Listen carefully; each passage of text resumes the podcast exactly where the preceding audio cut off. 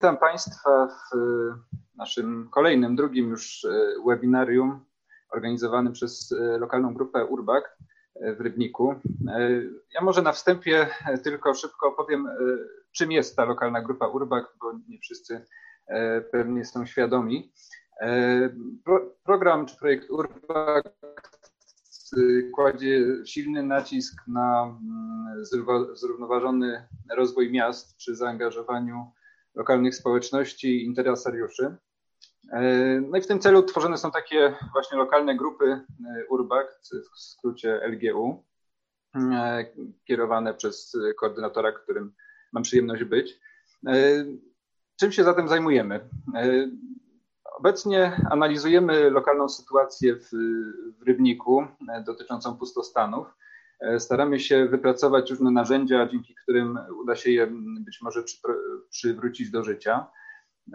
Uczymy się od naszych partnerów w tym programie z siedmiu innych europejskich miast. Wzajemnie wymieniamy się informacjami, naszą wiedzą, dzięki czemu możemy się od siebie nawzajem uczyć i inspirować. No i przekazujemy w, w, różnej, w różnych formach tę wiedzę dalej i temu też służy to dzisiejsze spotkanie. Kto należy do tej grupy Urbact? To są przedstawiciele, głównie przedstawiciele miasta Rybnika, Zarządu Gospodarki Mieszkaniowej w Rybniku. Także tutaj przedstawiciele instytucji są, są z nami na, na łączu. Ale w tej grupie są też lokalni zainteresowani przedstawiciele w ogóle społeczności. Są to lokalni architekci, społecznicy, właściciele nieruchomości czy, czy właściciele pustostanów. Do naszych działań w ostatnim czasie dołącz, przyłączyli się, przyłączyło się koło naukowe AREA, związane z Uniwersytetem Ekonomicznym w Katowicach. Koło naukowe zajmuje się badaniem przestrzeni zurbanizowanej.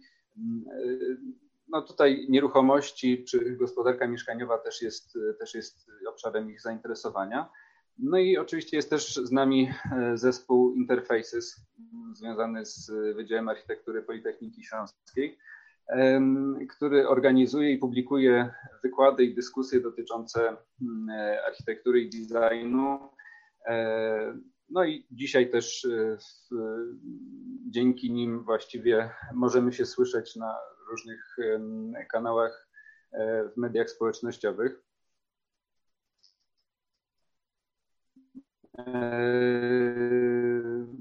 gdziekolwiek nas teraz słyszycie, e, przekazuję zatem pozdrowienia od wszystkich, od całej naszej grupy Urbak.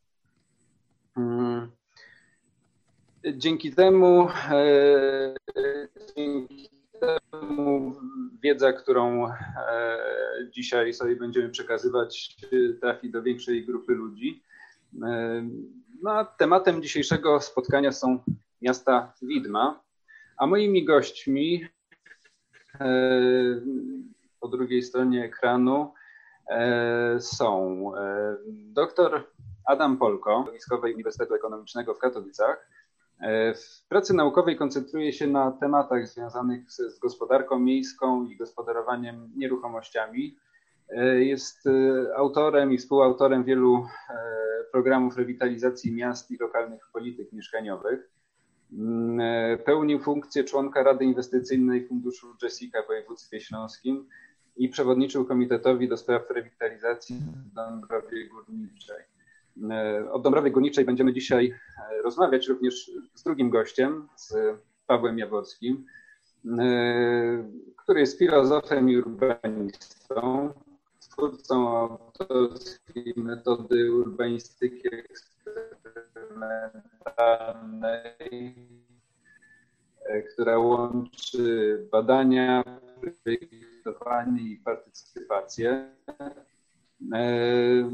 E, od 2017 roku przygotowuje w Polsce poprzez e, testowanie zagospodarowania kształceniami Starego Miasta i ulic Śródmiejskich w Szczecinie. Wspiera też Metropolię Górnośląsko-Zagłębiowską oraz Instytut Goethego w Kijowie. E, we wdrażaniu e, różnych rozwiązań urbanistycznych. Mam nadzieję, że niczego nie pominąłem. Jest z nami również Marta Błaszczyk, która będzie mi pomagać w dalszej części dyskusji i przyjmować pytania od publiczności. Także ja już zaczynając ten, kończąc przydługi wstęp i zaczynając dyskusję, e, chciałbym zachęcić Państwa do zadawania pytań pod, e, pod naszymi transmisjami na, na Facebooku i YouTubie. E, postaramy się wszystkie pytania też zadać naszym e, gościom w drugiej części spotkania. Czy mnie dobrze słychać? Być może by, były jakieś e, po drodze problemy z, z łączami. Mam nadzieję, że już e, teraz e, ich nie ma. Może tak na, na rozgrzewkę. Skończyły się wakacje. Czy mm, są w Polsce takie opustoszałe dzielnice, jakieś wymarłe miejsca, wymarłe miasta, które moglibyśmy sobie dzisiaj, czy następne wakacje odwiedzić, zobaczyć, jak, jak taka przestrzeń wygląda. Czy coś takiego przychodzi Wam do głowy?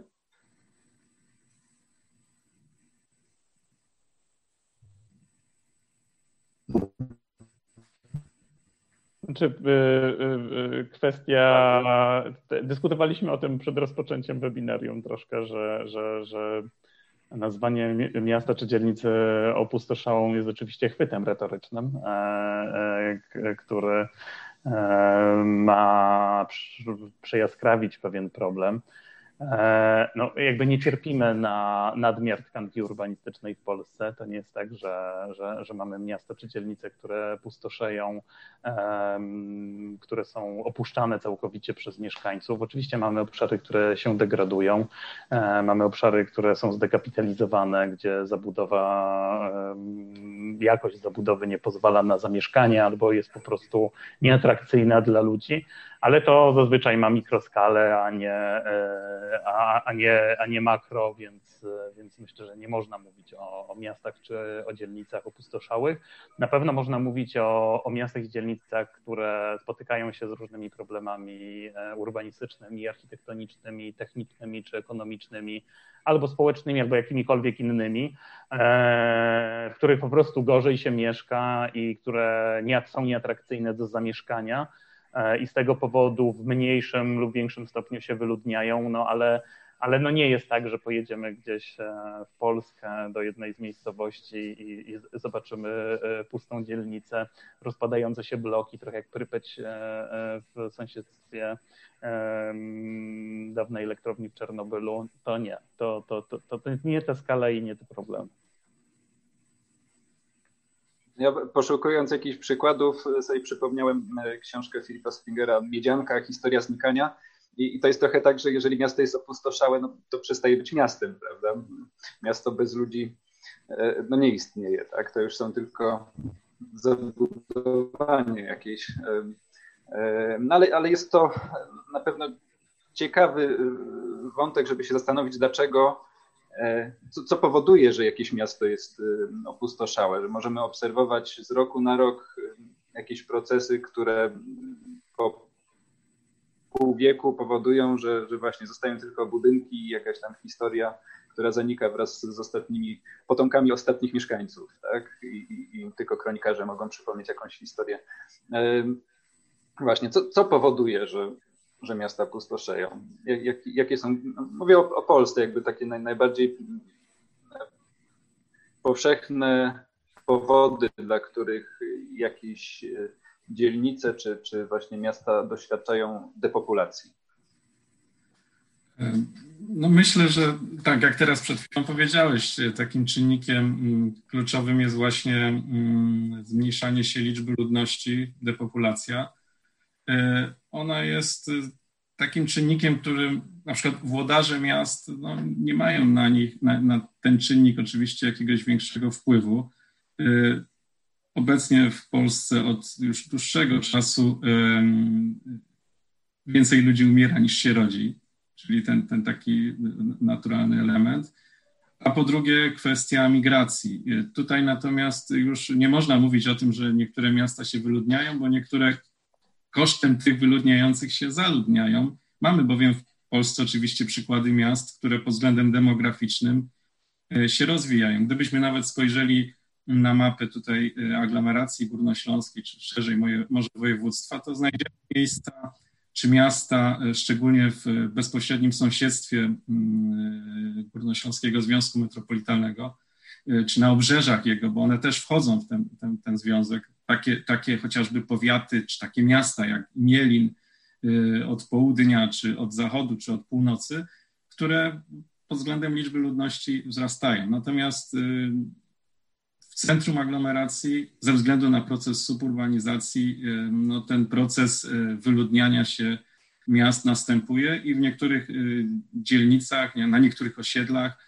jest to, jest to dosyć mocno widoczne, więc no wydaje mi się, że od tego trzeba by tutaj zacząć. Te, te procesy demograficzne są takim elementem y, podstawowym. Mhm. Y, Pawle, czy coś byś do tego dodał? Tak, no, znaczy myślę, że to też jest na dalszą część rozmowy, co powoduje te procesy de, de, depopulacyjne, prawda? Bo tutaj jest e, szereg czynników, e, nie wiem, jak, jak ekonomia, e, cena gruntu, cena mieszkania w, w, w obszarze zurbanizowanym, jak kwestie ekologiczne, jakby standard przestrzeni miejskiej, którą oferuje na przykład taka tkanka XIX-wieczna, a jaką oferuje, nie wiem, zielone przedmieście, też mówię specjalnie prowokacyjnie, przyzwyczajenie do samochodu i rozwój motoryzacji, rozwój w ogóle infrastruktury drogowej, która pozwala wyjechać z miasta i potem do niego dojeżdżać poprzez no, no, no, szereg jakichś innych czynników, nie wiem, polityka urbanistyczna, polityka przestrzenna miast, która e, zwłaszcza w tych miastach ościennych zezwala na przeznaczanie dużych obszarów dawnych rolnych pod, pod zabudowę mieszkaniową, pod kolejne obszary zabudowy mieszkaniowej. Więc tych czynników jakby jest bardzo dużo, które się potem składają na, na, na te procesy migracyjne.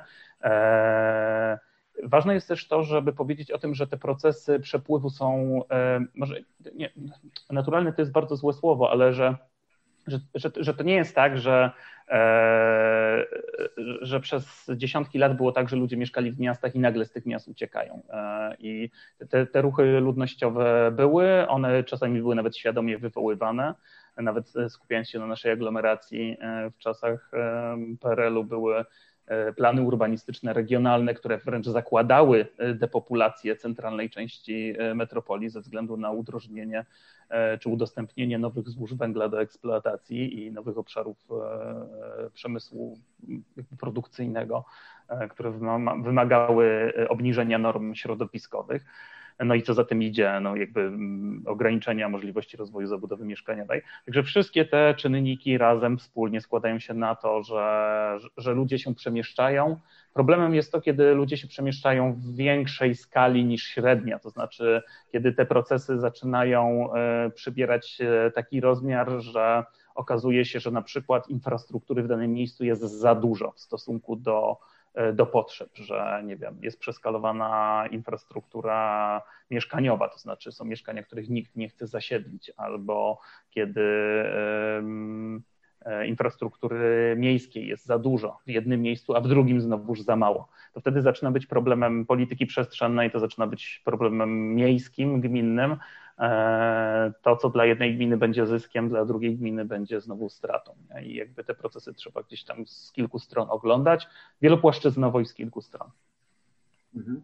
No, dostarcza się z tego e, trochę taki, powiedział nawet pozytywny e, obraz, że no, nie mamy jakby wielkiego problemu z, z pustoszeniem, tak, że migracja ludzi jest E, czymś zupełnie normalnym.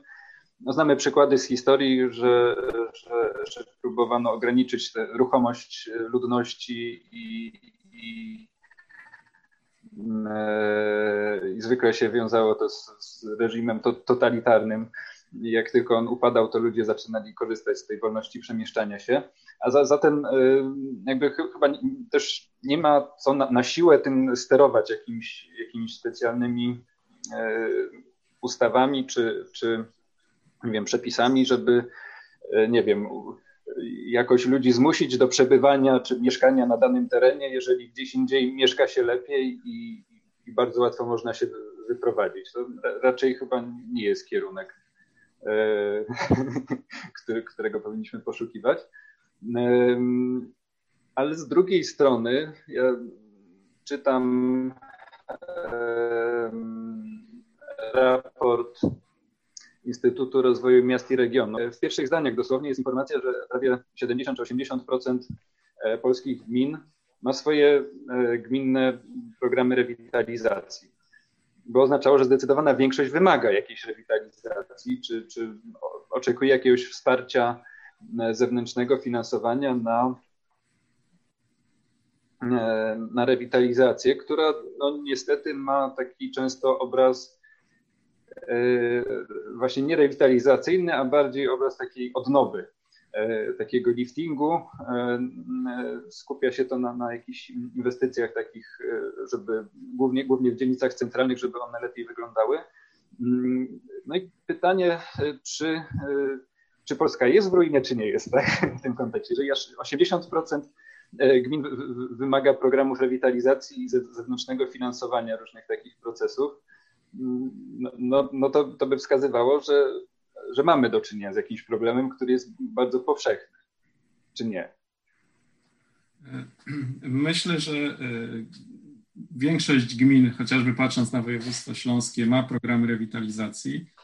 Jeżeli mielibyśmy sobie zadać pytanie, jakie były przyczyny powstania, przygotowania tych dokumentów, to po pierwsze, tak jak wspomniałeś, istnieje szansa po prostu, aby e, móc skorzystać z zewnętrznych środków finansowych, mhm. są środki unijne, właśnie dedykowane e, tematy, tematom rewitalizacji. Więc to jest na pewno czynnik, który powoduje, że gminy podejmują się przygotowania takiego programu. Druga rzecz to jest taka, że jeżeli nawet nie gminy, ale na przykład prywatni przedsiębiorcy chcą skorzystać z środków zewnętrznych, to zasada jest taka, że oni powinni swoje projekty, te projekty powinny wynikać z programu i wpisywać się w program rewitalizacji, czyli gminy, które przygotowują programy rewitalizacji, robią to też y, dlatego, aby móc umożliwić innym y, podmiotom chociażby skorzystanie z tych środków. Ale to jest oczywiście taki powód, no, powiedzmy, niezwiązany z przyczynami, tak? Mhm. Druga rzecz to jest taka, że wydaje mi się, że y, oczywiście różne gminy, różne miasta są na różnym poziomie rozwoju, ale praktycznie w każdym jesteśmy w stanie znaleźć miejsca, y, które są jakimiś miejscami problemowymi. Niekiedy skala jest bardzo duża, bo pamiętam, jak y, już dawno temu przygotowywaliśmy pierwszą chyba edycję programu rewitalizacji Bytomia i zresztą teraz to też już jest jakby widać, chociażby, bo Bytom jest specjalnie tutaj traktowany, jakby całe miasto wymaga e, takiego bardzo szerokiego podejścia. Jeżeli pracowałem nad programem rewitalizacji w Dąbrowie, to zawsze też na tych różnych spotkaniach mówiłem, że e, tak z zewnątrz, gdyby ktoś spojrzał, Dąbrowa nie jest jakimś miastem, które wymaga bardzo mocno e, programów rewitalizacji czy projektów. Niemniej jednak w Dąbrowie też są chociażby takie dzielnice jak Ząbkowice, Strzemieszyce, czy konkretne osiedla y, mieszkaniowe, które tego, tej, tej rewitalizacji wymagają. Y, zresztą każdy program rewitalizacji jest tak skonstruowany, aby on koncentrował, on ma pewne limity, zarówno pod względem liczby mieszkańców, jak i powierzchni miasta, które w danym momencie mogą być y, poddane procesowi rewitalizacji, tak żeby koncentrować te działania właśnie na, na konkretnych miejscach. Więc na dobrą sprawę nie, nie dziwię się za bardzo. Nie można powiedzieć, że te miasta są, są w ruinie, wszystkie tak, ale w każdym z nich jesteśmy w stanie znaleźć niekiedy dosyć specyficzne y, problemy, no, które wymagają na pewno takiego systemowego, strategicznego podejścia do, do, do, do rewitalizacji. Jeszcze na koniec tylko powiem, że pojęcie rewitalizacji, chociażby mocno y, jakby determinowane tymi programami i tymi środkami chociażby unijnymi, y, no, ewoluuje też, tak? Rozmawiali 10-15 lat temu, to tutaj projekty rewitalizacji to by były duże projekty infrastrukturalne, modernizacje rynku i tak dalej. Teraz wahadło się wychyliło w drugą stronę i, i rewitalizacja to jest przede wszystkim kwestia, przynajmniej na początku, rozpoznania problemów społecznych i, i rozwiązywania tego typu problemów, oczywiście w kontekście też miejskim, bo tutaj oczywiście te projekty infrastrukturalne dalej są, ale one nie są już tylko jedyne, czy nie są takim głównym wyznacznikiem. Mhm. Y, ja mm, tak y, właśnie się zastanawiałem, czy y, to, to, to o czym wspomniałeś, że, że po prostu niektóre obszary wymagają specyficznego podejścia i to można by powiedzieć, że, że tak może nie jest, nie jest to definicja rewitalizacji, natomiast y, tak to mniej więcej to, to taka, taki jest cel tych, y, tych programów i tych dofinansowań, że, że tam są specyficzne, nie wiem, być może nagromadzenie różnych e, specyficznych okoliczności, do których trzeba też w specyficzny sposób e, podejść. Mm, y, ale przy okazji poprzedniego spotkania mieliśmy, e, nasi prelegenci wymieniali szereg różnych, różnych problemów związanych w ogóle z, obecnością pustostanu. No, tematyka tego spotkania była trochę inna, ale, ale to się wiąże z właśnie tą ogólnym pustoszeniem, czy, czy, czy jakąś tam degradacją większych obszarów miasta. Mówiliśmy o statach wizerunkowych dla miasta, o statach y, finansowych, y, wynikających chociażby z tego, że, że jest mniej, e, mniej mieszkańców, więc y, mniej płaconych podatków, jest mniej klientów sklepu, więc gospodarczo też jakaś dzielnica może nie za dobrze działać. E, pogarsza się stan nieruchomości, e, mamy do czynienia zajmowaniem tych nieruchomości przez y, osoby, które no nie mają prawa do, do pobytu na, na, na ich terenie. E, squatting czy, czy, czy e, właśnie jakieś nielegalne pomieszkiwanie, czy niszczenie nawet też tych budynków. E, są jakieś problemy społeczne. I oczywiście to, to wszystko może być motywacją do, do, jakichś, do, do podejmowania różnych działań. No ale skoro nie wszystkie miasta mają programy rewitalizacyjne i te, te projekty czy, czy, czy wdrażane rozwiązania też są różne w różnych miastach, to znaczy, że te motywacje również są, są różne. Co jest, co, co spędza sens powiek e, takiego burmistrza czy, czy prezydenta miasta, co, co jest taką największą motywacją, żeby, żeby no, zacząć rewitalizować jakiś obszar? Czy to są tylko kwestie ekonomiczne i finansowe, czy nie wiem, są przykłady jakichś takich, nie wiem, wspaniałych włodarzy, którzy, którzy po prostu chcą poprawić jakość życia swoich mieszkańców, e, no, nie, nie widząc tutaj tego haczyka zewnętrznego finansowania czy jakichś takich korzyści e, finansowych. No, no bo zastanawiam się nad tymi właśnie 20% gmin, które nie mają programów rewitalizacji. Myślę, że tutaj waż... trzeba ważną gwiazdkę zrobić. E, żeby prowadzić działania rewitalizacyjne, nie trzeba mieć programu rewitalizacji. To pierwsza sprawa. E, program rewitalizacji trzeba mieć po to, żeby pozyskiwać środki na e, działania rewitalizacyjne. A jest szereg działań, które ma charakter rewitalizacyjny i na przykład nie wynikają z programów, ani w ogóle się z programami nie wiążą i nie wchodzą w całą strukturę programowania rewitalizacyjnego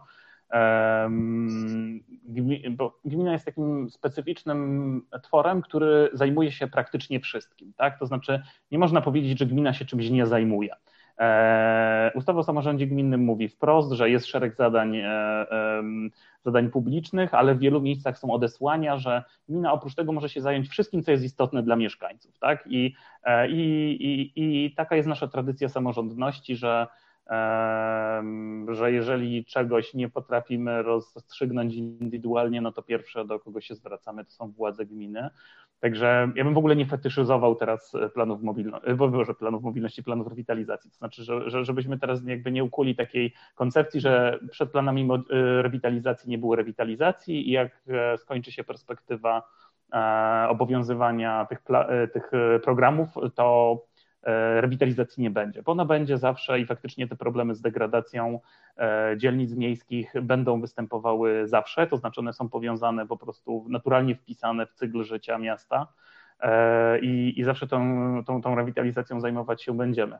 Więc jeżeli wiesz, na Twoje pytanie e, odpowiedź będzie po prostu zawsze wieloaspektowa. To znaczy, e, jasne, są takie e, gminy, gdzie program uchwala się po to, żeby pozyskiwać środki i moim zdaniem w tym nie ma nic złego. Jakby to jest normalne narzędzie i, i, i narzędzie, które służy do osiągania jakichś konkretnych celów. Są znowuż takie gminy, które realizują działania rewitalizacyjne, które nie mieszczą się w programach rewitalizacji i które nie wymagają wielkich środków E, pozyskiwanie, e, pozyskiwanie wielkich środków z zewnątrz, bo degradacja dzielnicy może wynikać zarówno z dekapitalizacji zabudowy, jak i z przerostu rozwoju motoryzacji. Tak? I jakby każdy, z każdym z tych zjawisk będziemy e, zmagali się innymi narzędziami, innymi środkami. I tak jak, nie wiem, problem degradacji transportowej miast bardzo rzadko jest przedmiotem zainteresowania programów rewitalizacji i działania, które są prowadzone przeciwko temu, bardzo rzadko wpisane są w te programy i z nich wynikają. Tak, no problemy mieszkalnictwa i problemy jakby standardu y, zasobów mieszkaniowych w dzielnicach już tak, jakby przeważnie to jest y, y, taki rdzeń, rdzeń tych działań. Więc no, jest i tak, i tak. To znaczy są, jeżeli pytasz o konkretne sytuacje, to one są bardzo, bardzo różne. E, I, e, no i unikałbym po prostu takiej zestandaryzowanej odpowiedzi, a też jakby piętnowania tego finansowego czy ekonomicznego aspektu e, tworzenia programów. Znaczy, tak też pytam, bo, bo gdzieś mam w głowie przykłady takich, wydaje mi się, dość może śmiesznych, ale z drugiej strony zastanawiających przykładów jak, takich lokalnych programów rewitalizacji, gdzie obszar objęty takim programem to na przykład otoczenie jednego z głównych kościołów w mieście albo y, teren ogródków działkowych. Jakby ten program rewitalizacji, jego celem było zastąpienie żyjących, działających fajnie ogródków działkowych budownictwem mieszkaniowym, co jakby kłóci mi się z gdzieś tam rzeczywiście ożywianiem przestrzeni, która umarła z jakichś powodów takich, o których mówiliśmy, czyli nie wiem, wielki, upada jakiś wielki zakład pracy i dużo, dużo ludzi traci pracę, e, tak wyprowadzają się i, i mamy problemy ekonomiczne, gospodarcze, społeczne. No, tak, ogródki działkowe na przykład no, nie kojarzą mi się z takimi problemami, a jednak są czasami e, obejmowane róż, różnymi projektami czy, czy programami rewitalizacji. Czy, czy znacie przykłady takich nie wiem, drobnych nadużyć, czy, czy właśnie wykorzystywania tego, tych narzędzi, właśnie finansowania e, różnych przemian e, w niewłaściwy sposób, czy, czy wręcz e, przeciwny do, do celu, któremu ma służyć. Czy, czy, czy spotkaliście się z, z czymś takim?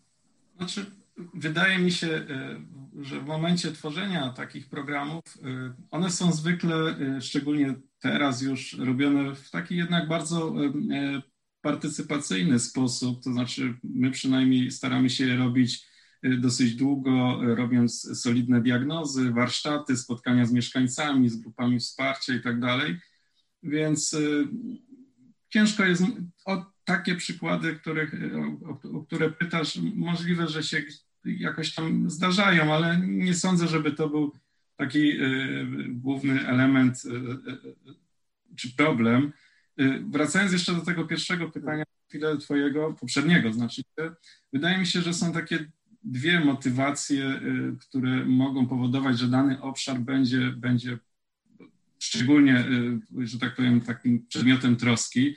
W wielu miejscach włodarze miast po prostu widzą, że jest szansa w danym momencie no, poprawienia sytuacji w miejscu danym. I tutaj Dąbrowa Górnicza jest takim przykładem i ten projekt taki duży, fabryka pełna życia, gdzie po prostu w pewnym momencie miasto y, zobaczyło, że jest szansa przejęcia dużego terenu y, poprzemysłowego, który znajduje się w centrum miasta. No, a Dąbrowa no, cierpi trochę na to, że takiego klasycznego centrum nie ma, tak?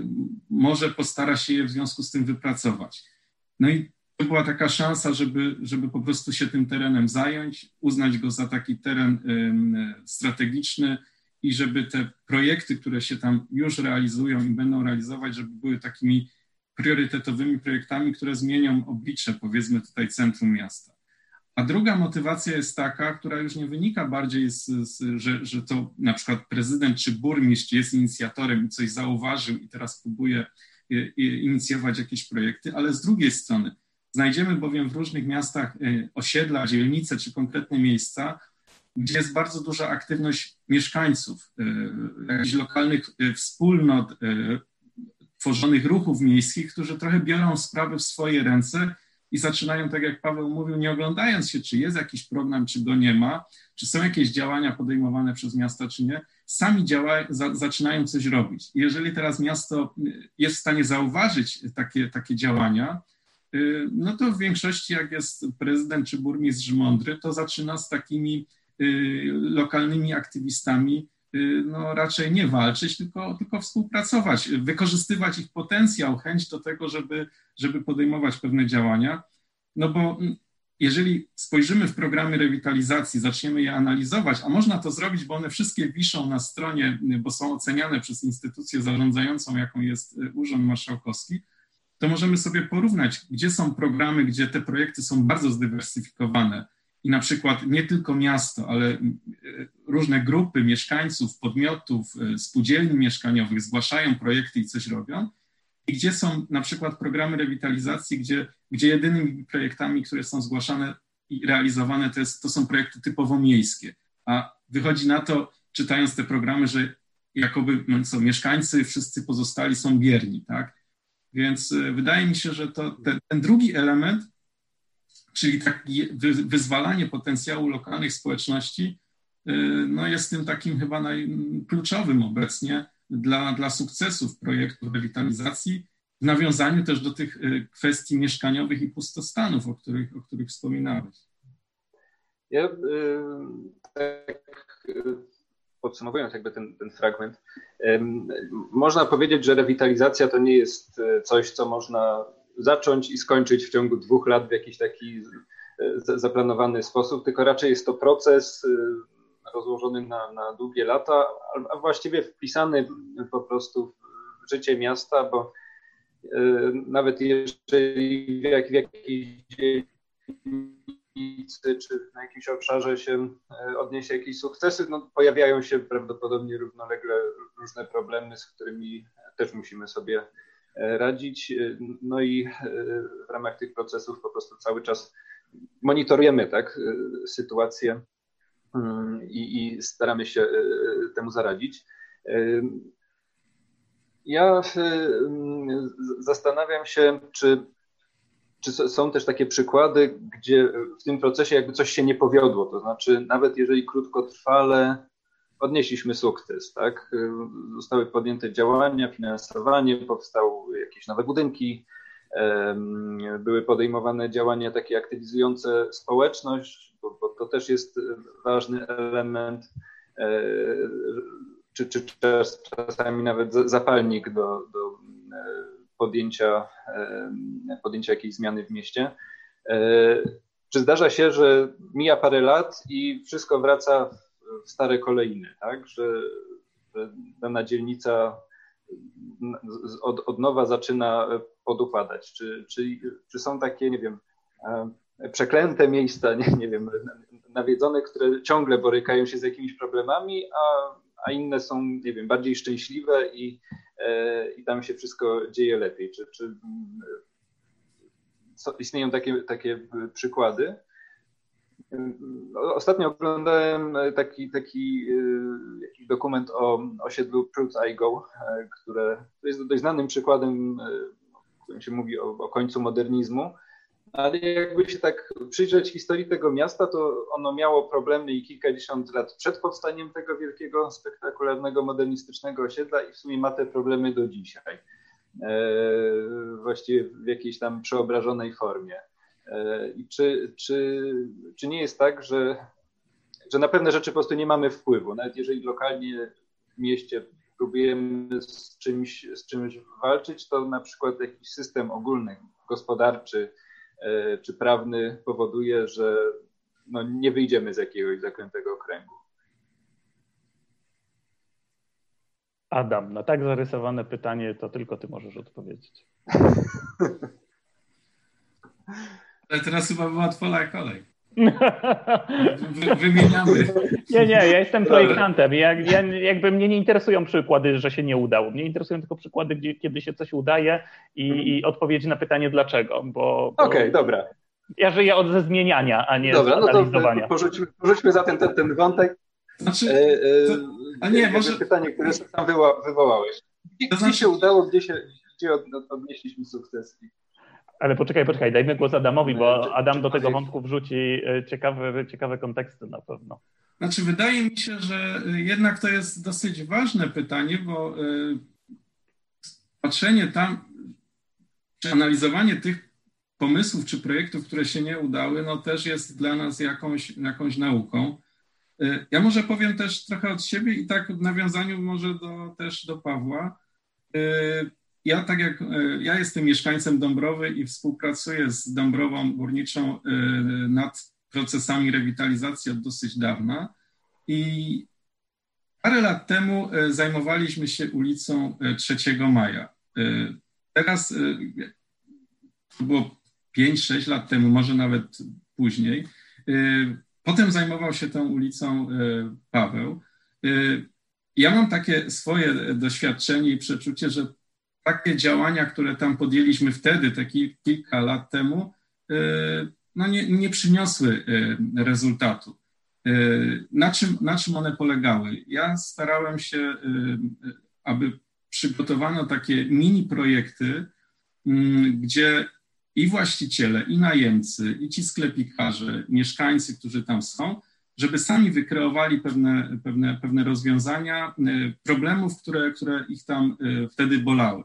To był taki moment, gdzie blisko tej ulicy powstawała galeria handlowa Pogoria.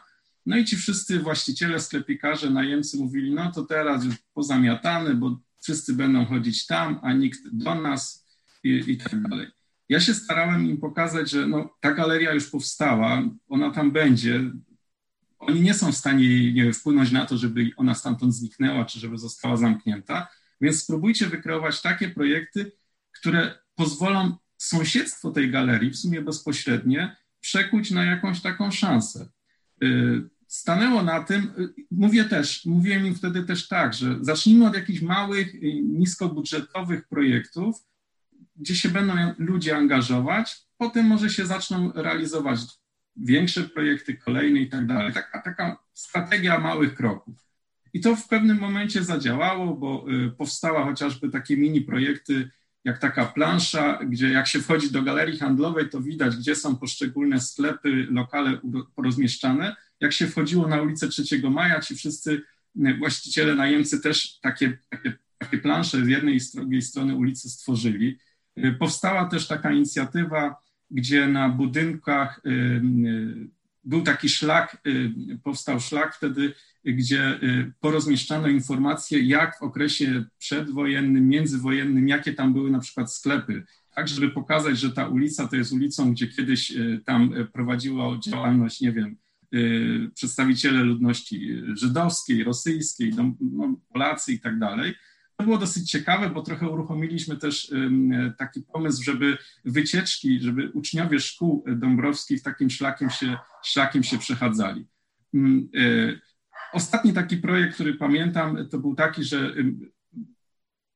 właściciele sklepów dogadali się z liceum plastycznym, które przygotowało witryny sklepowe w ramach praktyk w takim jednolitym w miarę stylu, y, też nawiązującym do tego takiej, takiej dawnej Dąbrowy. Wszystko chodziło o to, żeby tą y, ulicę no właśnie jakoś tam ożywić.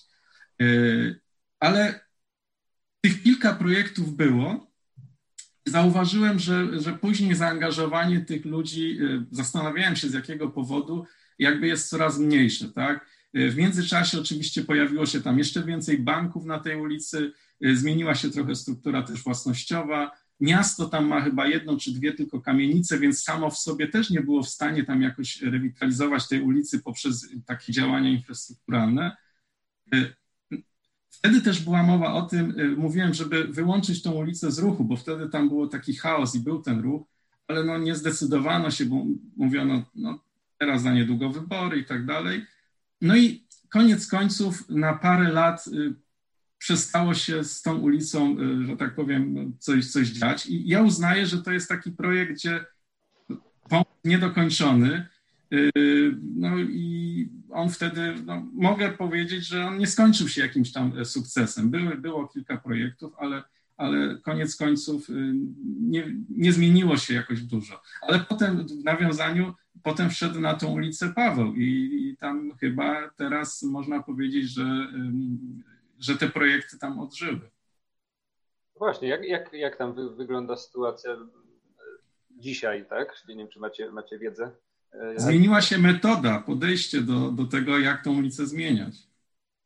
To znaczy, mm, mm, no, tak, bo, bo, bo, faktycznie realizowałem na tej ulicy projekt, który się nazywał Żywa Ulica i, i ograniczyliśmy znacząco ruch na tej ulicy i doprowadziliśmy do wyegzekwowania zakazu parkowania e, w bólach wielkich i w konflikcie, e, przede wszystkim z lokalnymi przedsiębiorcami.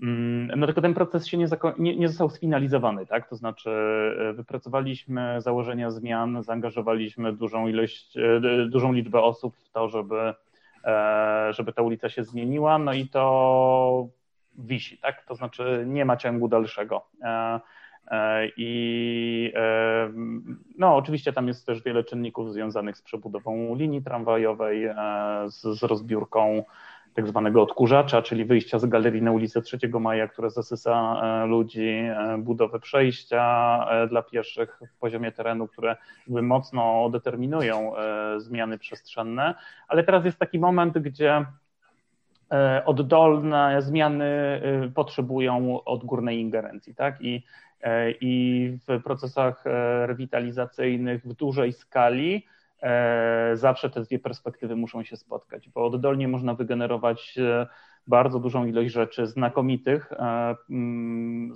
znakomitych pomysłów, ale w pewnym momencie okazuje się, że choruje struktura i tego oddolnie zmienić się nie da. E, to znaczy, no nie da się oddolnie wyłączyć e, ulicy w Śródmieściu z ruchu, ponieważ konsekwencje, które się wywoła, są strukturalne. Tak? Chociażby tak prosta rzecz jak parkowanie, które się przeniesie na sąsiednie ulice, e, albo no nie wiem, perturbacje związane z ruchem klientów mogą wystąpić.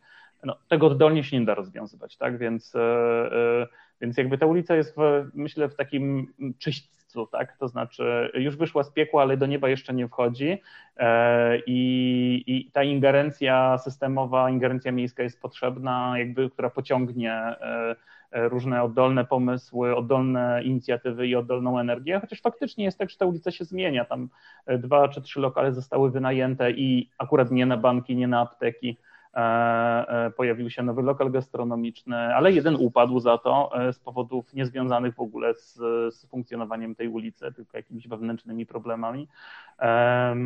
No tak, ale też, też jest tak, jak mówię, że, że ten proces nie jest skończony, więc trudno go oceniać, czy on był sukcesem, czy był porażką. I myślę, że to jest generalnie problem z, z, z, dyskusją o rewitalizacji, kiedy się patrzy na, na nią w perspektywie takiej, którą narzuca urbanistyka, to znaczy że no, dwa lata to jest nic. Za dwa lata nie można zmienić życia miasta.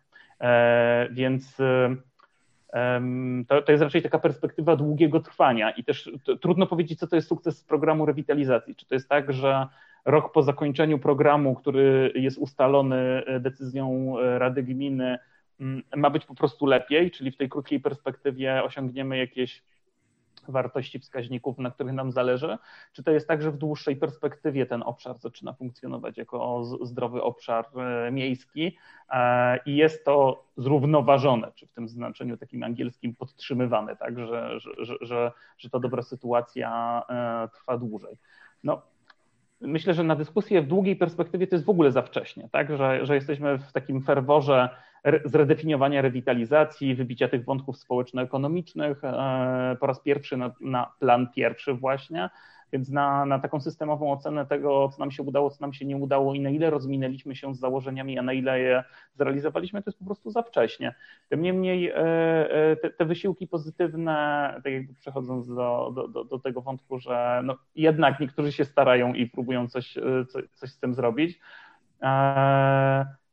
jakby są takie wysiłki, które, e, które mają walory bycia pozytywnymi, bo na przykład są wplecione w ogóle w politykę miejską, tak? że, że, że są powiązane z celami rozwojowymi miasta, które są długotrwałe E, nie wiem, zapisane w dokumentach miejskich, typu w studium e, uwarunkowań i kierunków zagospodarowania przestrzennego, gdzie nagle się okazuje, że, że, że te działania rewitalizacyjne nie służą tylko tym wewnętrznym celom rewitalizacyjnym, ale w ogóle rozwojowi miasta, e, gdzie właśnie angażuje się partnersko podmioty prywatne i one się jakby czują współgospodarzami tego procesu e, rewitalizacyjnego, albo czasami wręcz go wywołują. E, no, no, i tak, no jakby myślę, że tych e, przykładów można sporo prześledzić. Od razu mi się przypomina, jak zadawałeś to pytanie, projekt, który robiliśmy z Centrum Architektury Współczesnej wiele lat temu.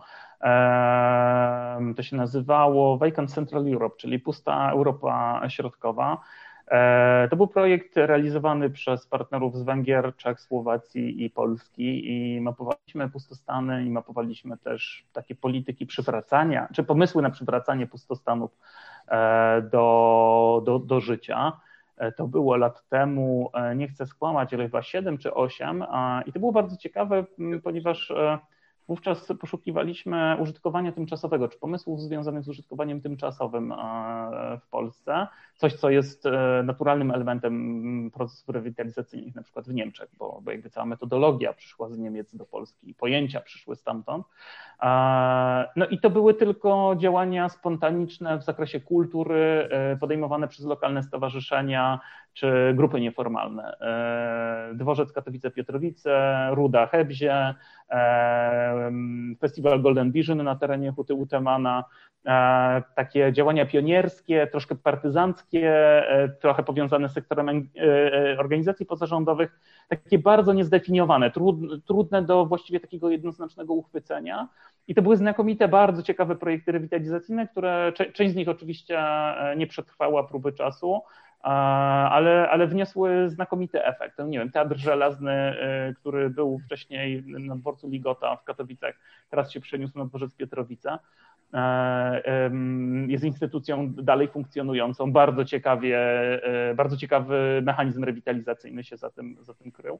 E, no, no i tak, no i ma, mamy z jednej strony taki, taki, taki dorobek przekazany przez historię, mamy te wysiłki samorządowe, mamy ludzi, inwestorów, którzy przejmują tereny przemysłowe czy poprzemysłowe i też próbują z nimi, z nimi coś robić. No, czy to się skleja w jeden obraz taki wielkiego wysiłku, no to tego nie wiem, to, to trzeba byłoby miasto po mieście indywidualnie, e, indywidualnie analizować, żeby sobie na, na, na, to, pytanie, na to pytanie jakoś odpowiedzieć.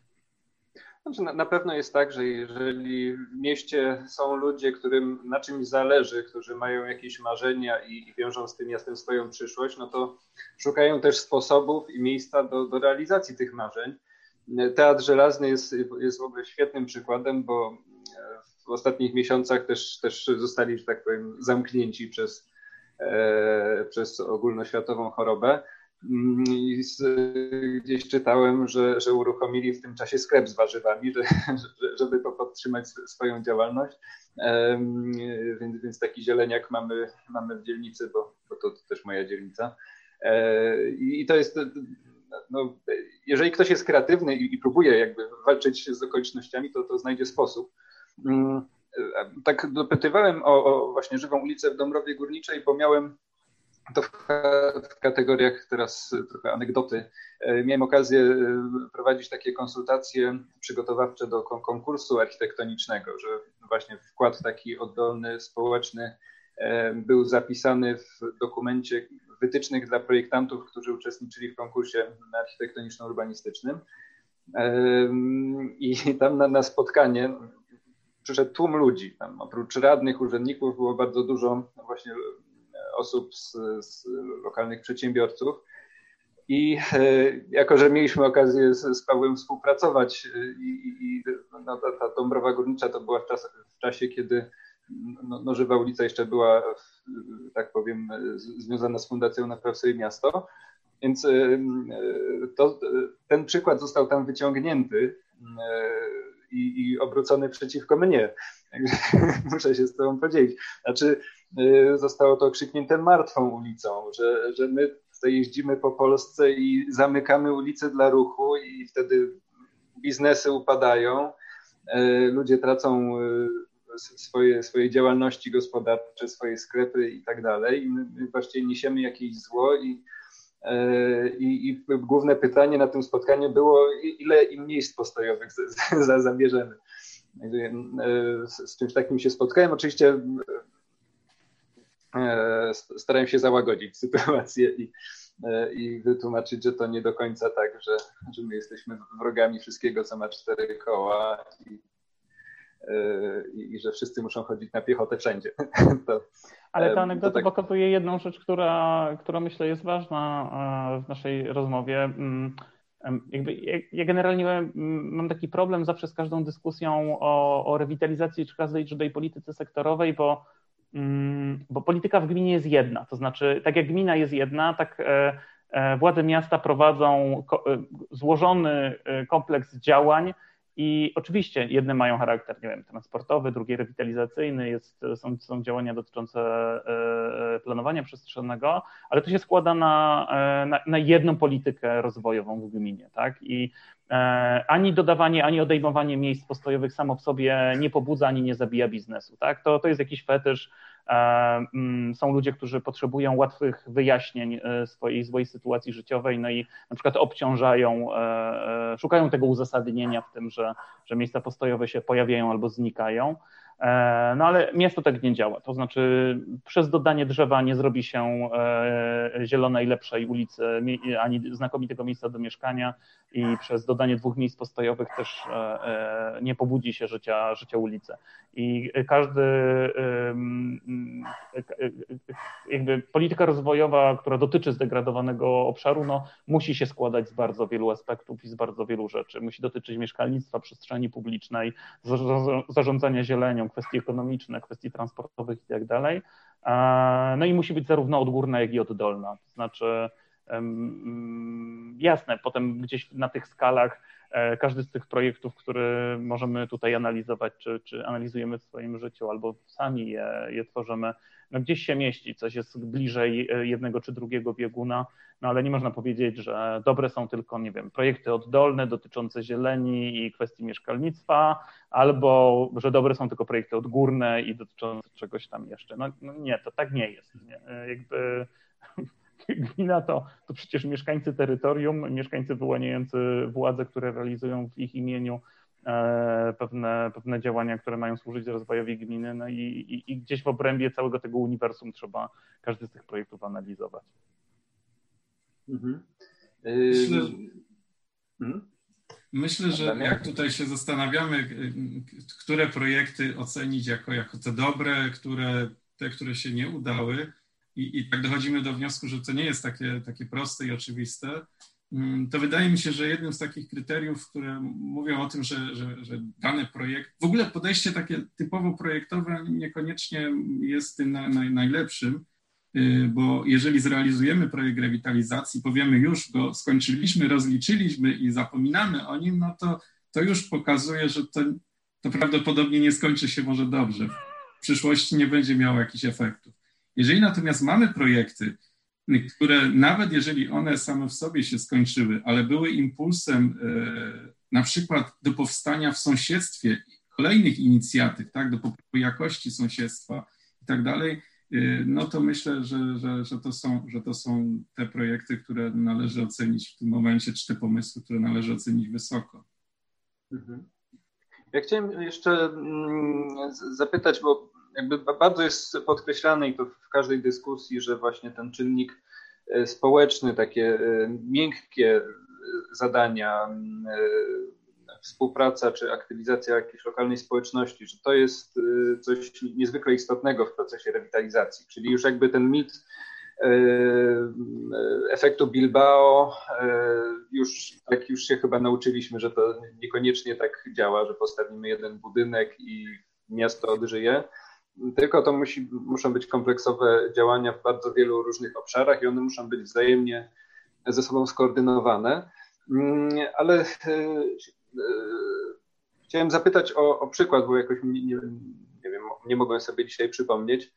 Mm, e, że takie działania rewitalizacyjne są na przykład prowadzone przez Dom Kultury w jakiejś dzielnicy, jako po prostu taką lokalną codzienność, albo w ogóle przez, przez instytucje kultury typu, nie wiem, teatr na przykład, czy, e, czy, czy, czy zwykle to musi być właśnie powołana jakaś grupa specjalna do, do rewitalizacji, czy w takiej małej skali nie może się tym zajmować jakiś właśnie mały, lokalny, publiczny, jakaś mała publiczna instytucja? Hmm, czy, czy kojarzycie takie?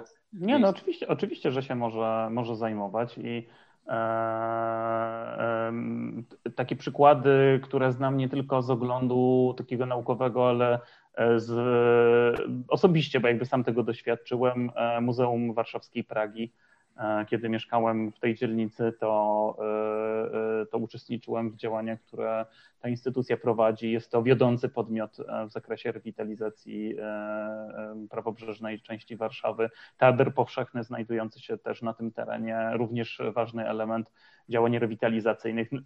Teatr Powszechny prowadzi projekt, który się nazywa Otwarta Ząbkowska, czyli otwiera dla ruchu pieszego raz w roku E, ulicę Ząbkowską i, e, i, i, i, środkami kulturalnymi pobudza lokalne podmioty do, do, do wspólnej pracy na rzecz przemiany e, tego obszaru.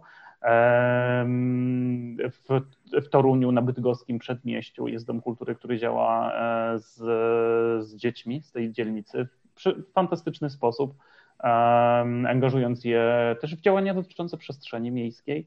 E, ale, ale jakby w sposób systemowy i wieloletni włącza e, młodych mieszkańców miasta w, e, w, w, w przemianę, w przemianę no, Torunia, czy tam właściwie zachodniej części Śródmieścia, Śródmieścia Torunia. Oczywiście te, te przykłady można mnożyć, bo to krakowskie domy kultury działają w podobny sposób.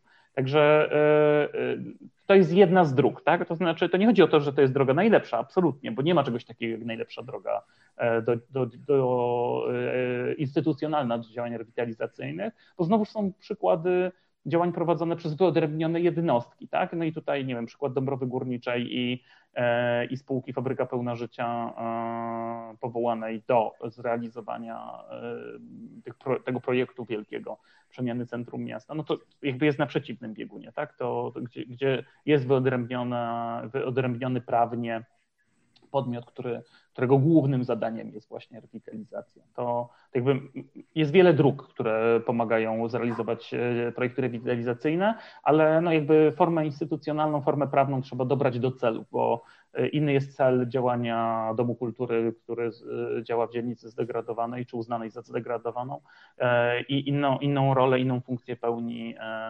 spółka miejska, która zajmuje się wielkoskalową przemianą dawnej fabryki, a, a w przyszłości centrum miasta. No to Dąbrowa Górnicza się nam dzisiaj przewija, zresztą tak jak chciałem.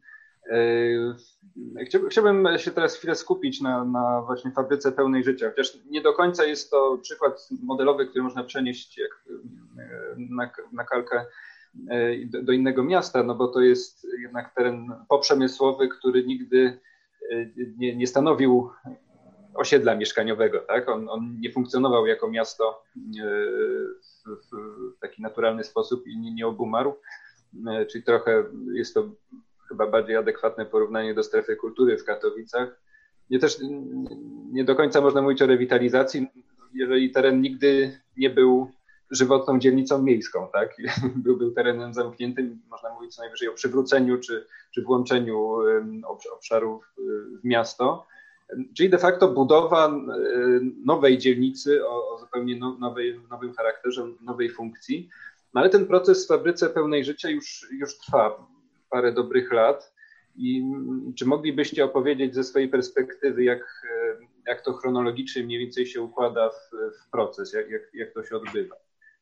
E, bo teraz odbywają się tam różne wydarzenia kulturalne.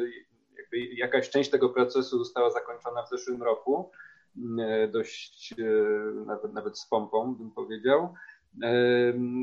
Czyli można powiedzieć, że weszliśmy w jakiś drugi duży etap, już, już realizacyjny, ale co się wydarzyło przez te, przez te parę lat, jak, bo wiem, że, że też w jakimś stopniu byliście w to zaangażowani. Adam chyba dłużej, więc myślę, że, że, że to będzie lepiej, kiedy Adam opowie o początkach, początkach, początkach z swojej perspektywie. No dobrze. E, znaczy tak, nie, można by pewnie dużo, długo mówić, opowiadać, ale e, zasadniczo rozpoczęło się od tego, że tak jak wspominałem, miasto mm, uzyskało szansę e, przejęcia kontroli nad, nad dużym terenem, który lokalizacyjnie no, był położony w zasadzie w centrum miasta. Była to, był to teren po, po, po fabryce Defum. Mm, I to, co chyba było y, najciekawsze od początku, to to, że miasto stwierdziło, że mm, y, podejdzie do tego w ten sposób, że przez pierwszy okres y, postara się o tym terenie porozmawiać z mieszkańcami. Tak? Wydaje mi się, że Dąbrowa Górnicza w ogóle jest takim przykładem miasta, które tą partycypację bardzo mocno, że tak powiem, wdraża. Y, jest y, Centrum y, Aktywności Obywatelskiej w Dąbrowie, które jest bardzo aktywne. Myślę, że prezydent Marcin Bazylak też jest dużym zwolennikiem takiego podejścia do współzarządzania w zasadzie miastem. No więc pierwszy etap to był taki, że miasto chciało się zorientować, jak o tym terenie myślą mieszkańcy, przedsiębiorcy, no, różni powiedzmy interesariusze. W związku z tym y, trochę testowano też na tym obszarze różne rodzaje mm, i narzędzia takiej y, właśnie y, takiego tego podejścia partycypacyjnego, począwszy od jakichś spacerów, warsztatów, takich różnych pomysłów typu, że zróbmy tam jakąś inicjatywę, tak, czy, czy dajmy ludziom zrobić tam jakąś inicjatywę i zobaczmy coś, co się będzie działo przeniesiono tam e, wiele e, wydarzeń, które do tej pory były w innych e, częściach miasta robione, na przykład Dni Dąbrowy, czy takie dni aktywności obywatelskiej, różnego rodzaju koncerty, wydarzenia kulturalne, nie wiem, zjazdy food trucków i tak dalej. Bardzo mocno też pokazywano mieszkańcom okolicznym całego miasta, czym ten teren był, tak? Bo ludzie wiedzą, była tam fabryka defu. No dobra, ale co to była za fabryka? Kto tam pracował? Na czym to polegało? Y, te budynki, jaką one mają y, wartość też y, historyczną, architektoniczną, na czym polega dziedzictwo kulturowe tego obszaru. I myślę, że tutaj włożono wiele pracy, żeby to, to mieszkańcom pokazać. Korzystano też z wielu zewnętrznych ekspertów, którzy i takich to, chyba też było ważne, że te zespoły były takie, to podejście było takie interdyscyplinarne. To nie byli tylko architekci, to nie byli tylko e, ludzie, którzy się zajmują socjologią, geografią czy ekonomią, tylko to było bardzo mocno e, wymieszane i często te zespoły się przeplatały czy współpracowały ze sobą. E, wszystko to miało na celu wypracowanie no, pewnej koncepcji, jak to ma wyglądać. To myślę, że to, to nie był proces też łatwy. Bardzo często też angażowano ludzi młodych, bo y, w Dąbrowie Górniczej jest realizowany co roku konkurs na prace e, dyplomowe, prace magisterskie dotyczące miasta, rozwoju miasta, rewitalizacji. I to powodowało, że wiele takich prac o fabryce pełnej życia tych y, studentów, absolwentów się pojawiało, często bardzo ciekawych i to ja byłem w jury konkursowym te, te, te, tego, tego konkursu i bardzo często widziałem, że włodarze miasta autentycznie tymi projektami się interesują, gdzieś tam czerpią też z nich. Wręcz niektórzy z tych studentów później no, po prostu angażowali się w ten proces, więc mm, z mojej strony, bo ten, ten jakby etap się już zakończył. Paweł powiedział, że powstała spółka i oni teraz będą już fizycznie działać, wdrażać, tak? Ale do tej pory to wszystkie, te wszystkie działania miały na, miały na celu takie testowanie i wypracowanie koncepcji. Dano sobie na to e, dwa czy trzy lata bodajże. No i myślę, że ten okres tak dosyć skutecznie i efektywnie przepracowano. Także ja to, ja to widzę z takiej strony. Ja bym tutaj tylko dodał, pomijając cały ten aspekt programowania tego procesu i tak dalej, bo e, to, to, to myślę, że będzie ciekawsze, gdybyśmy rozmawiali w gronie takim nie wiem, ekspercko-urzędniczym, e, to, to faktycznie jest tak, że w tym procesie była ta faza planowania i jakby przygotowania całego procesu e, prac projektowych i, i różnych prac analityczno-programujących. E, teraz jesteśmy w takiej fazie inkubacji za pomocą rozwiązań tymczasowych. E, z mojej perspektywy to jest w ogóle najciekawszy, najciekawszy okres, ponieważ tutaj jest najwięcej innowacji. No i jest, jest przygotowywany ten, e, ten, ta, ta wielka przebudowa fabryki, no, która już jest takim działaniem standardowym. Tak? To jest po prostu za, zagospodarowanie, zagospodarowanie obszaru i zabudowanie obiektami czy, czy to jakby odnowieniem obiektów istniejących, czy, czy stworzeniem nowych. No ale, ale to, co się dzieje pomiędzy tym docelowym zagospodarowaniem a fazą e, projektowania, to, to jest prawdziwe nowum tego procesu i, e, i to jest wyjątkowe. Ja myślę, że to warto podkreślać i warto o tym szerzej, szerzej, mówi, szerzej mówić. No, jakby to znika oczywiście w, w kontekście tych komunikatów o konkursie architektonicznym, wizualizacji i tak dalej, E, ale to, to, to, jest, to jest duża wartość, czyli to, co spółka robi w tym momencie, mm, e, że jest sztab ludzi, którzy jakby budzą ten teren, tak? To znaczy e, skupiają wokół siebie różne podmioty też komercyjne, które tam się pojawiają, organizują tam wydarzenia kulturalne, organizują wydarzenia społeczne, ściągają organizacje pozarządowe lokalne, które realizują znowuż swoje działania na terenie fabryki, czyli jakby fabryka stała się taką platformą e, do, do działań społecznych, komercyjnych i, i, i publicznych.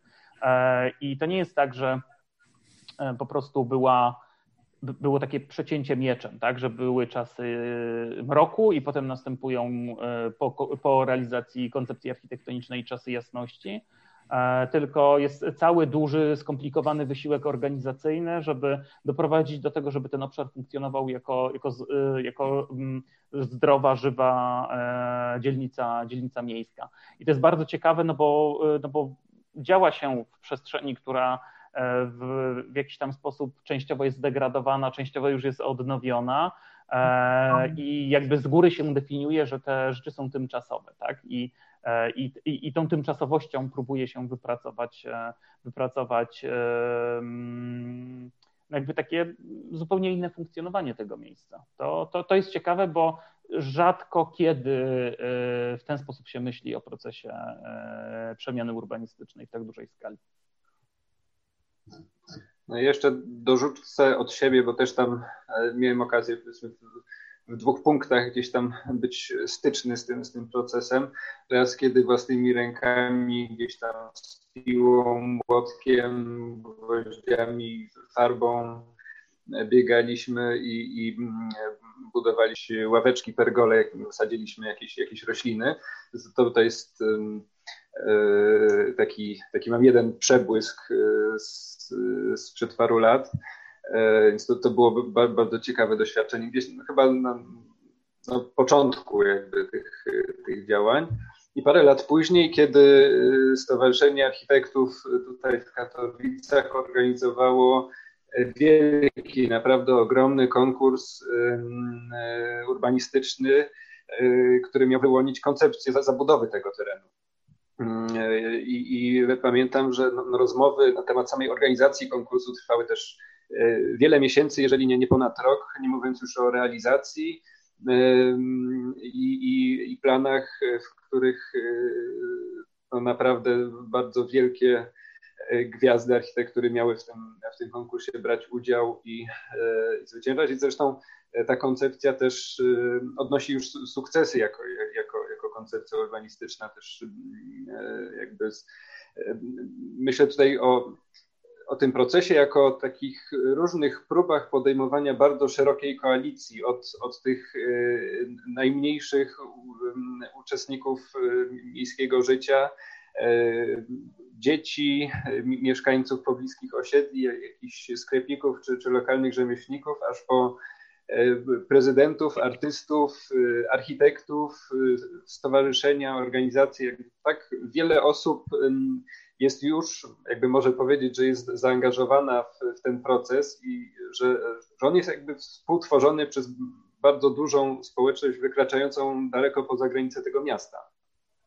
I to jest, to jest rzeczywiście bardzo, e, bardzo ciekawe i inspirujące. Ale już tak przechodząc do właśnie przyszłości, czy, czy to jest, e, można powiedzieć, model, w którym powinny powstawać w ogóle nowe dzielnice miejskie? No bo on jest, e, jak podejrzewam, że, że efekt społeczny na pewno będzie dobry, tak? Wszystko na to wskazuje. E, natomiast jest, jest to też proces bardzo długotrwały tak? i angażujący bardzo duże środki, e, również finansowe. Czy, czy w ten sposób powinniśmy, czy w zbliżony sposób powinniśmy podchodzić do każdej nowo powstającej e, dzielnicy w Polsce? Bo gdzieś na, na drugim, na drugim biegunie mamy właśnie podmiejskie, podwarszawskie E, połacie terenu zabudowywane przez deweloperską zabudowę, gdzie, gdzie właśnie tylko pewne wskaźniki e, ją kształtują jakiś bardzo ogólny gust estetyczny. E, ale no, nikt tam nie myśli tak kompleksowo o, o tym, że to ma być żywotna dzielnica miejska, ważna dla, dla jakiejś lokalnej społeczności. Czy czy jedno i drugie może sobie towarzyszyć obok siebie i, wszystko, wszystko jest w porządku. Wydaje mi się, że to wydaje mi się, że to podejście, o którym tu mówimy, które jest stosowane w fabryce pełnej życia, y, no jest godne naśladowania. Oczywiście nie tak w skali jeden do jednego, bo ciężko znaleźć jest przykłady gdzieś tu w okolicy też innych miast, które w, w tym momencie na przykład mają też taki teren gdzieś tam w centrum i mają potrzebę tworzenia nowego centrum miasta. Bardziej chodzi mi o to, że y, ten projekt jest też taki trochę wyjątkowy y, według mnie, że on nie ma jasno wytyczonych granic. Wprawdzie jest taka nazwa Fabryka Pełna Życia, która już jest powszechnie znana, ale projekt ten znacznie wykracza poza y, obszar fizycznie Y, terenu po fabryce Defum, bo y, miasto mówi, y, jeżeli mamy wykreować nowe centrum miasta, to ten projekt rewitalizacji terenu po fabryce Defum musi jakby wpisywać się i płynnie tak rozlewać na cały obszar centrum czy śródmieścia, jeżeli możemy mówić o śródmieściu miasta. Dlatego też poza fizycznie fabryką pełną życia jest y, y, obszar kolejowy, dworca kolejowego, Park Halera, Park Zielona, y, połączenia komunikacyjne tego obszaru, osiedla mieszkaniowe. Gdyby tak spojrzeć na te pomysły związane z fabryką pełną życia, to one moim zdaniem mają wartość właśnie dlatego, że się tak dosyć płynnie komponując działaniami, które wychodzą czy są w sąsiedztwie, tak? I to jest jakby tutaj, mi się wydaje, no dosyć, dosyć istotny taki, taki czynnik, który, który, no, który należałoby tak powielać w innych, w innych miastach pewnie też. Mhm.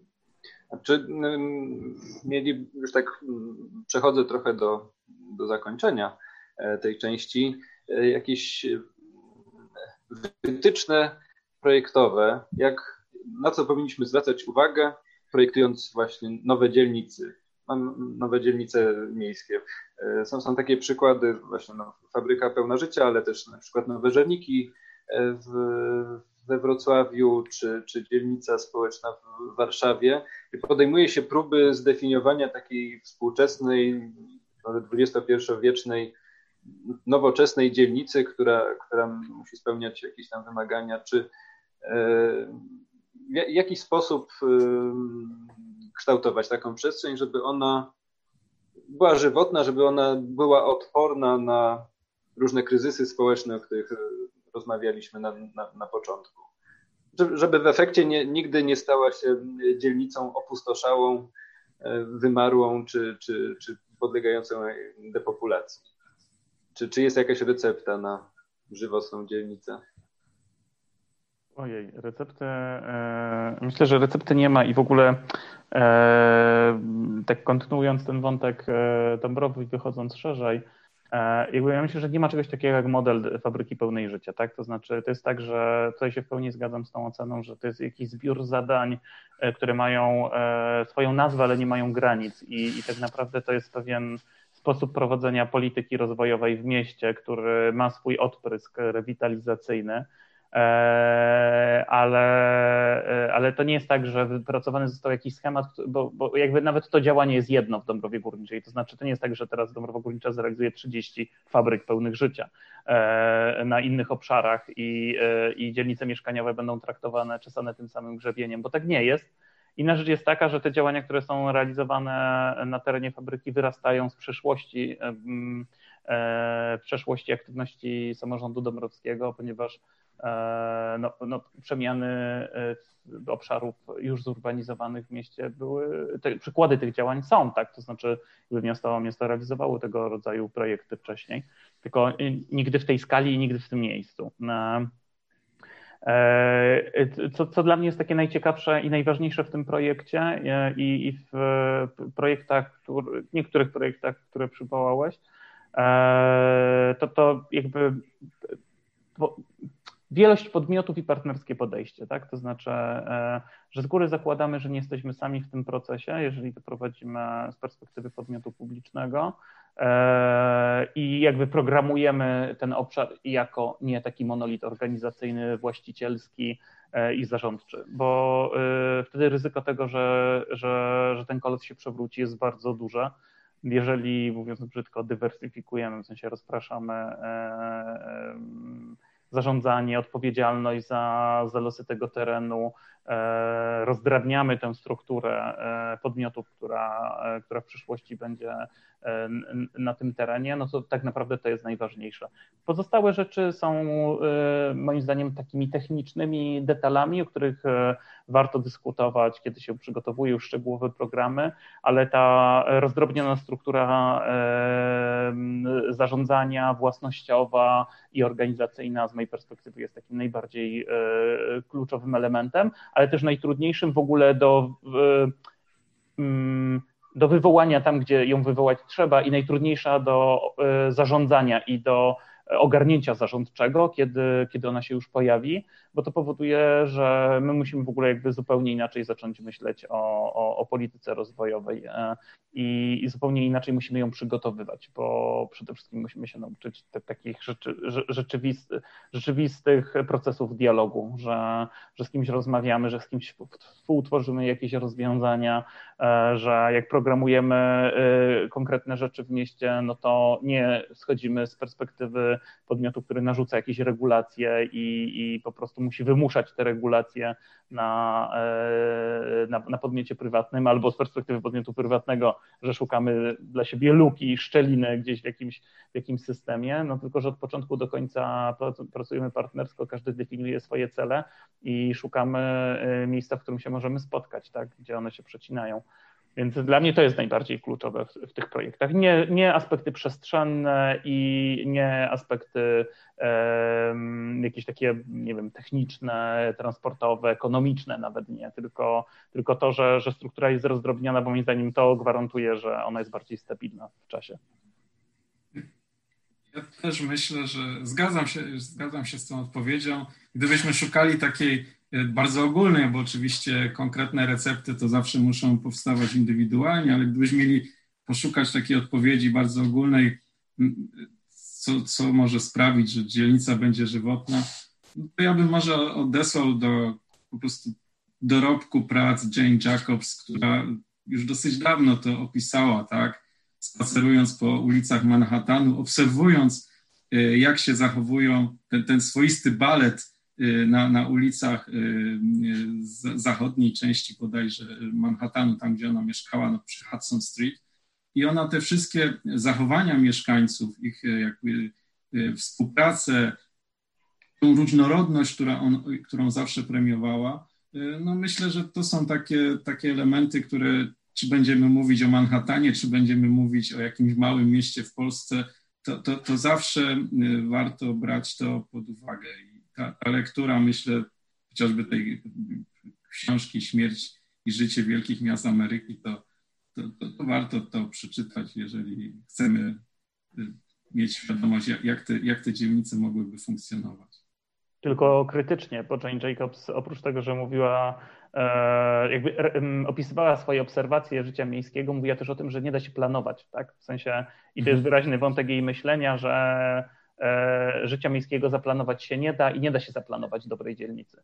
E, więc, więc z, jej, z, jej, e, z jej myślenia płynie taki, taki wniosek antyurbanistyczny, przekreślający wszelkie wysiłki dotyczące dużych reform urbanistycznych co moim zdaniem jest błędne. Tak? To znaczy, tutaj akurat ona poszła w stronę, która E, nie dość, że jest, e, nie, nie, nie, dość, że jakby jest nieprawdziwa, to jeszcze jest sprzeczna z obserwacjami, wydaje mi się. To znaczy e, wiara w to, że drobne, małe działania z, zmieniają miasta, no, no jest, jest fałszywa. To, to nie jest tak, że bez dużego wysiłku w wielu aspektach infrastrukturalnego i finansowego da się zapewnić trwały rozwój miasta, bo nawet jakby koncentrując się na samej, mm, e, na, na, na, samej metropolii, w której jakoś tam żyjemy, pracujemy e, i, i, do której się odnosimy w naszych wysiłkach, no to, no, no to jest tak, że no nie jesteśmy gęstym Greenwich Village, Manhattanem, e, na, nie osiągniemy tej gęstości miejskiej, do której odnosiła się Jane Jacobs, czy osoby, które potem kontynuowały jej dorobek intelektualny i jej koncepcję. Więc e, nasze recepty mogą się okazać troszkę inne i, i jednak wymagające interwencji dużych, znaczących, nie, nie tylko śledzenia e,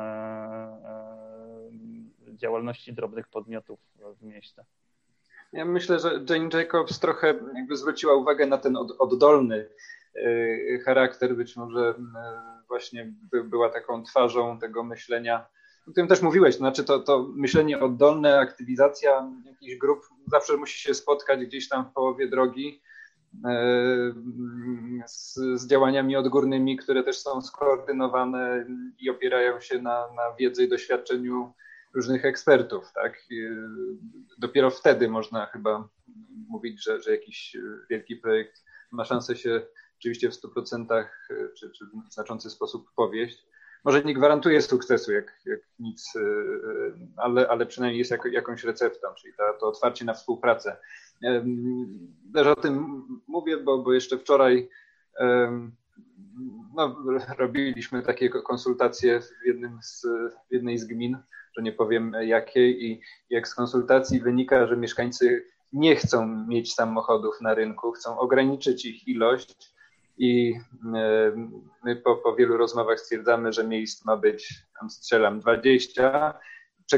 Przedstawiamy raport burmistrzowi e, czy prezydentowi, on dopisuje 50. E, nie 20, tylko 50. Bo, I musimy z tym dyskutować, że no, mieszkańcy tak, tak nie chcą. Tak? To nie wynika z, w ogóle z rozmowy i my się pod tym nie, nie podpisujemy. No ale mieszka- burmistrz też jest mieszkańcem i tutaj y, zaczynamy dyskutować tak, czyja e, siła i, czy, i to siła głosu i, i kto, kto ostatecznie wyciąga te pieniądze, kto ostatecznie to, to finansuje czy on bierze pod uwagę różne inne aspekty, jak, jak, jak całe miasto jest y, zarządzane.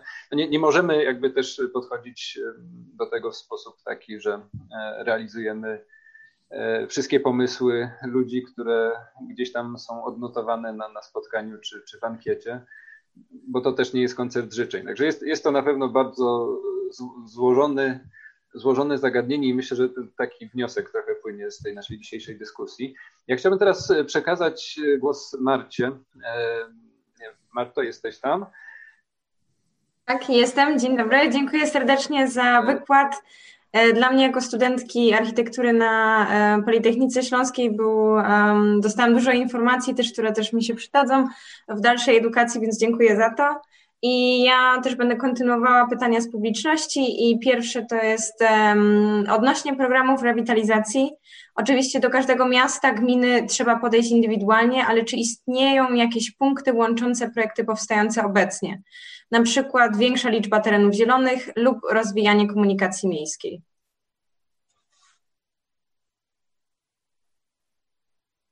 Adam. Pytanie do Adama, badacza programów rewitalizacji.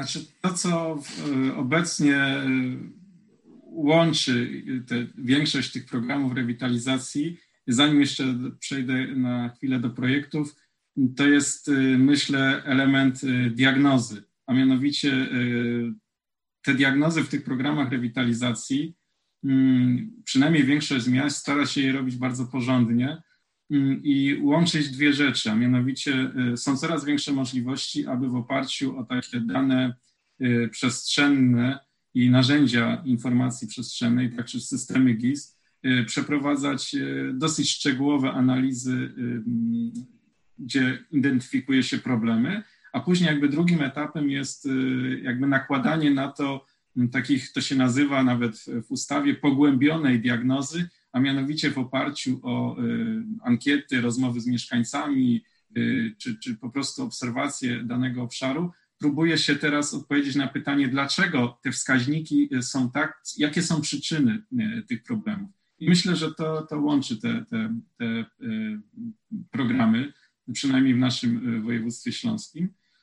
Natomiast jeżeli tutaj było pytanie, czy jakieś projekty są teraz takimi projektami, które gdzieś tu dominują, że na przykład tereny zielone, czy, czy, czy, czy jakieś inne tematycznie, to wydaje mi się, że jest y, sporo projektów y, właśnie takich bardziej społecznych, gdzie y, nawet jeżeli miasto jest inicjatorem projektu, to bardzo mocno angażuje y, w dane projekty i nie tylko na etapie planowania, czyli pytania się ludzi, ludzi co by chcieli, ale na etapie wdrażania, y, no, lokalne społeczności czy mieszkańców, y, którzy często w formie jakichś stowarzyszeń czy jakichś instytucji, chociażby nawet domów kultury dzielnicowych, są w stanie się zaangażować. Czyli pojawiają się coraz bardziej projekty, gdzie mm, realizatorem projektu są też, są też mieszkańcy i, i to są takie projekty, gdzie na etapie już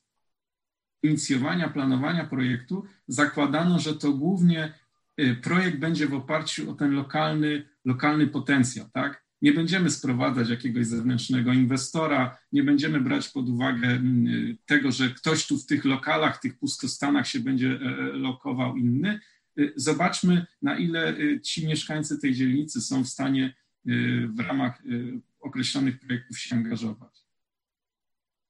Tak, to jest w ogóle bardzo, bardzo ciekawy wątek. E, e, to, co powiedziałeś, przypomniało mi e, jeden z projektów, który, który obserwuję i na jakimś etapie nawet w jego realizację byłem zaangażowany, przemianę ulicy Marszałkowskiej w Zawierciu. Bardzo, bardzo ciekawa rzecz się tam dzieje, gdzie z, ze starej um, ulicy, nie wdając się w szczegóły, no jakby zdegradowanej na każdym poziomie ekonomicznym e, i, i, społecznym i technicznym, e, próbuje się partnersko i to w takim naprawdę głębokim znaczeniu tego słowa partnersko wygenerować przemianę tego miejsca, bazując wyłącznie na lokalnym potencjale, to znaczy nie, nie wpadając w ten mit zewnętrznego inwestora czy zewnętrznego podmiotu i zewnętrznych środków, E, które, które mają się pojawić i odmienić to miejsce. E, I, i tam po prostu z, z, lokalnej grupy działającej na tej ulicy, ze struktur ośrodka pomocy społecznej, z, z, z liderów społecznych wreszcie, którzy tam działali, e, wyłonił się taki no taka grupa nieformalna wyłoniła się, która, która te wszystkie działania prowadzi i te działania dotyczą zarówno zieleni, jak i organizacji ruchu, jak i uruchomienia kawiarenki społecznościowej, która wystartowała już albo wystartuje za chwilę, bo, bo to się ma stać we wrześniu. E, na kanwie tej grupy powstał referat rewitalizacji w urzędzie, więc jakby z, z oddol... ja, ja, pamiętam jak byłem na tej ulicy i rozmawiałem jeszcze z prezydentem e, Konarskim o, o tym w ogóle, jak ten proces rozpocząć, kiedy nic nie było i to było chyba półtora roku temu, a, a teraz e, bazując na, na ludziach, którzy tam są, udało się doprowadzić do tego, że ta ulica E, po prostu funkcjonuje, tak? I to, to jest proces, który jest w fazie jeszcze takiej mocno inkubacyjnej, tak? Czy tam e, jakby pomiędzy fazą inkubacyjną a, a, a jakimś takim początkiem dojrzałości, ale, ale jednak e, jest to ciekawy lokalny przykład działania bazującego na, na, na, na lokalnym potencjale, który w danym miejscu już jest. To też może nawiązując do tego, bo moim drugim pytaniem i też ostatnim na dzisiaj było, e, że z racji tego, że naszą publicznością też e, w części są studenci architektury czy też designu, to co oni mogą robić, żeby móc zapobiegać jakiejś depopulizacji dzielnic czy miast? Um, jako przyszli architekci, ale też e, w sumie jako obecnie mieszkańcy czy studenci na przykład Gliwic właśnie. Co, co my możemy robić, żeby temu zapobiec albo pomóc? Oj, bardzo dużo rzeczy. Po pierwsze się uczyć e, e, i, i, i nie rozpraszać w nauce. Po drugie e, studiować szeroko różne przykłady działań urbanistycznych w mieście. Nauczyć się porzucać utarte schematy, które, które, projektowe, którymi jesteście karmieni korzystać z tego, co już lokalnie jest wypracowane. Na przykład w odniesieniu do Dąbrowy Górniczej podbijaliśmy wątek użytkowania tymczasowego. To jest rzecz, o której prawdopodobnie na studiach nie usłyszycie, e, a szkoda, ponieważ użytkowanie tymczasowe jest moim zdaniem normalnym narzędziem e, urbanistycznym, które urbaniści stosują, co więcej stosują świadomie. Mm, jest już cała jest już cały jakby gałąź nauki, czy tam teorii urbanistycznych, e, bazująca tylko i wyłącznie na tym, czym jest użytkowanie tymczasowe, w jaki sposób ono służy rozwojowi miasta, jak jest powiązane z użytkowaniem stałym i tak dalej.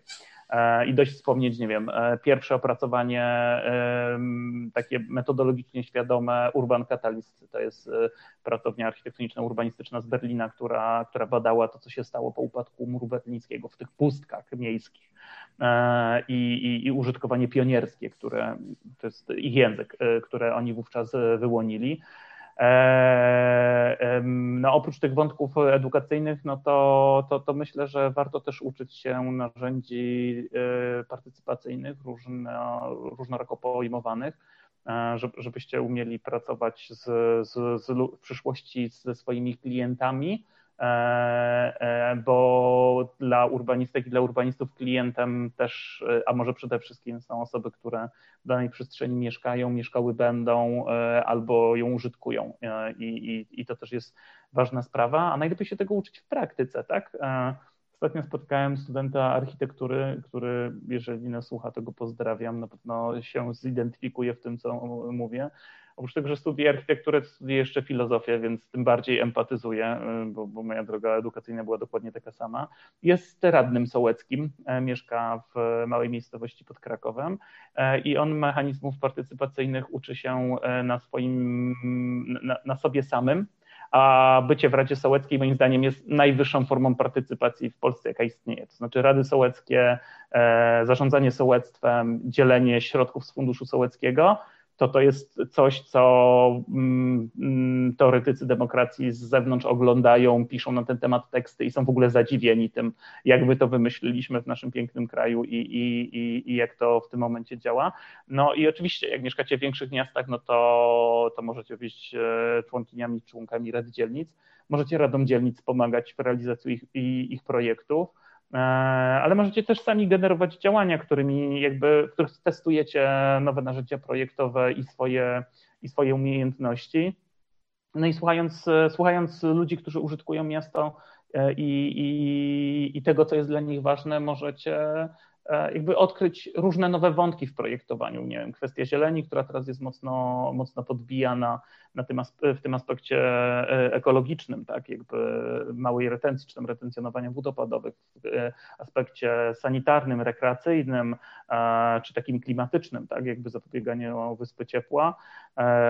Pewnie odkryjecie też wszystkie działania, ruchy nie chcę powiedzieć, że antysamochodowe, ale jakby cywilizowania motoryzacji w Polsce, że jakby żyjemy już w tym czasie, kiedy, e, kiedy ludzie mm, ludzie mieszkający w, w śródmieściach po prostu mają dość tego, co się dzieje, tak? I tej motoryzacyjnej degradacji ich środowiska zamieszkania. Tego wszystkiego możecie się nauczyć w praktyce, angażując się w konkretne procesy miejskie, zarówno te prowadzone przez podmioty publiczne, jak i te prowadzone przez organizacje pozarządowe, czy takie właśnie grupy samopomocowe, grupy nieformalne, albo, albo ten samorząd na najniższym szczeblu dzielnicowym. Ja bym, ja bym jeszcze tutaj dodał, z racji tego, że pracuję na uczelni, e, to, że studenci, oczywiście nie wszyscy, często są oni w mniejszości, ale wygrywają ci, którzy mocno angażują się w takie, takie tak jak Paweł powiedział, praktyczne rzeczy. Tutaj była mowa, że w ramach tego projektu Urbakta angażuje się koło naukowe AREA, które działa przy, przy tutaj naszych katedrach. Znam osobiście tych ludzi. Przy okazji różnego rodzaju tego proje takich projektów, gdzie wykładowcy trochę inspirują, ale często nawet studenci bardziej ciągną, róbmy to i to gdzieś tam poza uczelnią, czy poza takimi zajęciami typu wykłady i ćwiczenia. Bardzo, bardzo dużo zawsze dawało to, a już takie mam doświadczenia kilku czy kilkunastoletnie, że y, nasi studenci z Uniwersytetu Ekonomicznego y, w Katowicach poznawali i współpracowali w ramach jakichś projektów z, ze studentami właśnie z Politechniki, y, czy z Uniwersytetu Śląskiego, czy jakichś jeszcze innych uczelni. Na przykład tak miałem okazję tutaj też poznać Tomka Szulińskiego przy okazji też pewnych projektów. Więc potem te kontakty to się nie urywa. Ci ludzie zaczynają ze sobą współpracować. Widzę, że ci najbardziej tacy Y, studenci zaczynają później działać, nie wiem, w Towarzystwie Urbanistów Polskich, tak, dział Katowice, napraw sobie miasto, albo gdzieś zostają radnymi, tak, I, i, no i myślę, że to jest, y, że tak powiem, trzeba być aktywny, tak, to, to na pewno. To, to zabawne, że to pytanie zadaje tak aktywna osoba, jaką jest Marta w imieniu poniekąd też Tomka, który, e, który nam tutaj pomaga, no ale to jest e, cała ekipa, e, cała ekipa ludzi, z którymi mam przyjemność współpracować i naprawdę ten, ten projekt w Rybniku też wyglądałby zupełnie inaczej i nie odniósłby, już teraz wiem, jakby, że nieoficjalnie, że już pewne sukcesy są, czy pewne rozwiązania są wdrażane w Rybniku i, i to w dużej mierze dzięki, dzięki Wam. Także żeby coś zrobić, trzeba zacząć coś robić. Nie wiem, czy, czy jeszcze, chyba będziemy zmierzać do końca, e, bo chyba nie mamy już więcej pytań, prawda, od, e, od publiczności. E, chciałbym wszystkim podziękować za, za te półtorej godziny bardzo, bardzo ciekawego spotkania. No ja się bardzo wielu rzeczy dzisiaj ciekawych dowiedziałem.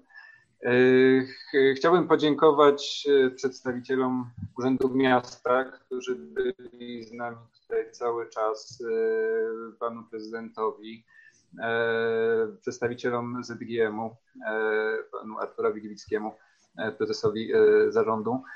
Chciałbym podziękować wspomnianemu kołu naukowemu AREA, które też przygotowywało merytorycznie dzisiejszą dyskusję, bo to też nie jest tak, że ja, ja sam wymyśliłem te pytania, e, tylko miałem ca całą ekipę pomocników.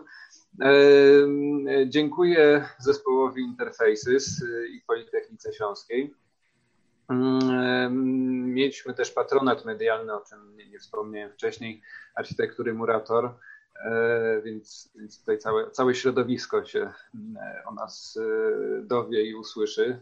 E, dzięki, dzięki mediom. Mhm. E, chciałbym e, jeszcze tak słowem zapowiedzi, jeszcze nie mamy terminu następnej dyskusji, ale planujemy kolejne webinarium za, za parę tygodni. I w przeciwieństwie do poprzednich webinariów, czyli dzisiejszego, które dotyczyło w dużej mierze działań takich instytucjonalnych publicznych, samorządowych i do poprzedniego spotkania, które odpowiadało trochę na pytanie, co właściciel kamienicy czy właściciel nieruchomości może zrobić, żeby e, reaktywować tę nieruchomość, jak, jak przeciwdziałać pustostanom w takiej skali. no będziemy rozmawiać o oddolnych działaniach, czyli trochę też odpowiadając na, na pytanie Marty, co, co studenci mogą zrobić, czy co w ogóle może zrobić zwykły mieszkaniec miasta, żeby jakiś właśnie problem, problem związany z pustostanami w mieście rozwiązać. Będziemy, e, będziemy rozmawiać o cohousingach, o grupach budowlanych, różnych alternatywnych e, sposobach e, właśnie też tymczasowego zajmowania nieruchomości. Wszystko po to, żeby, żeby ożywić te, te budynki, te lokale, ulice, dzielnice i, i miasta.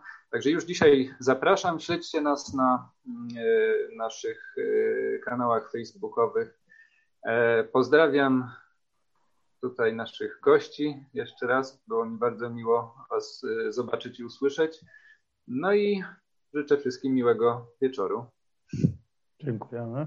Do zobaczenia. Też dziękuję bardzo.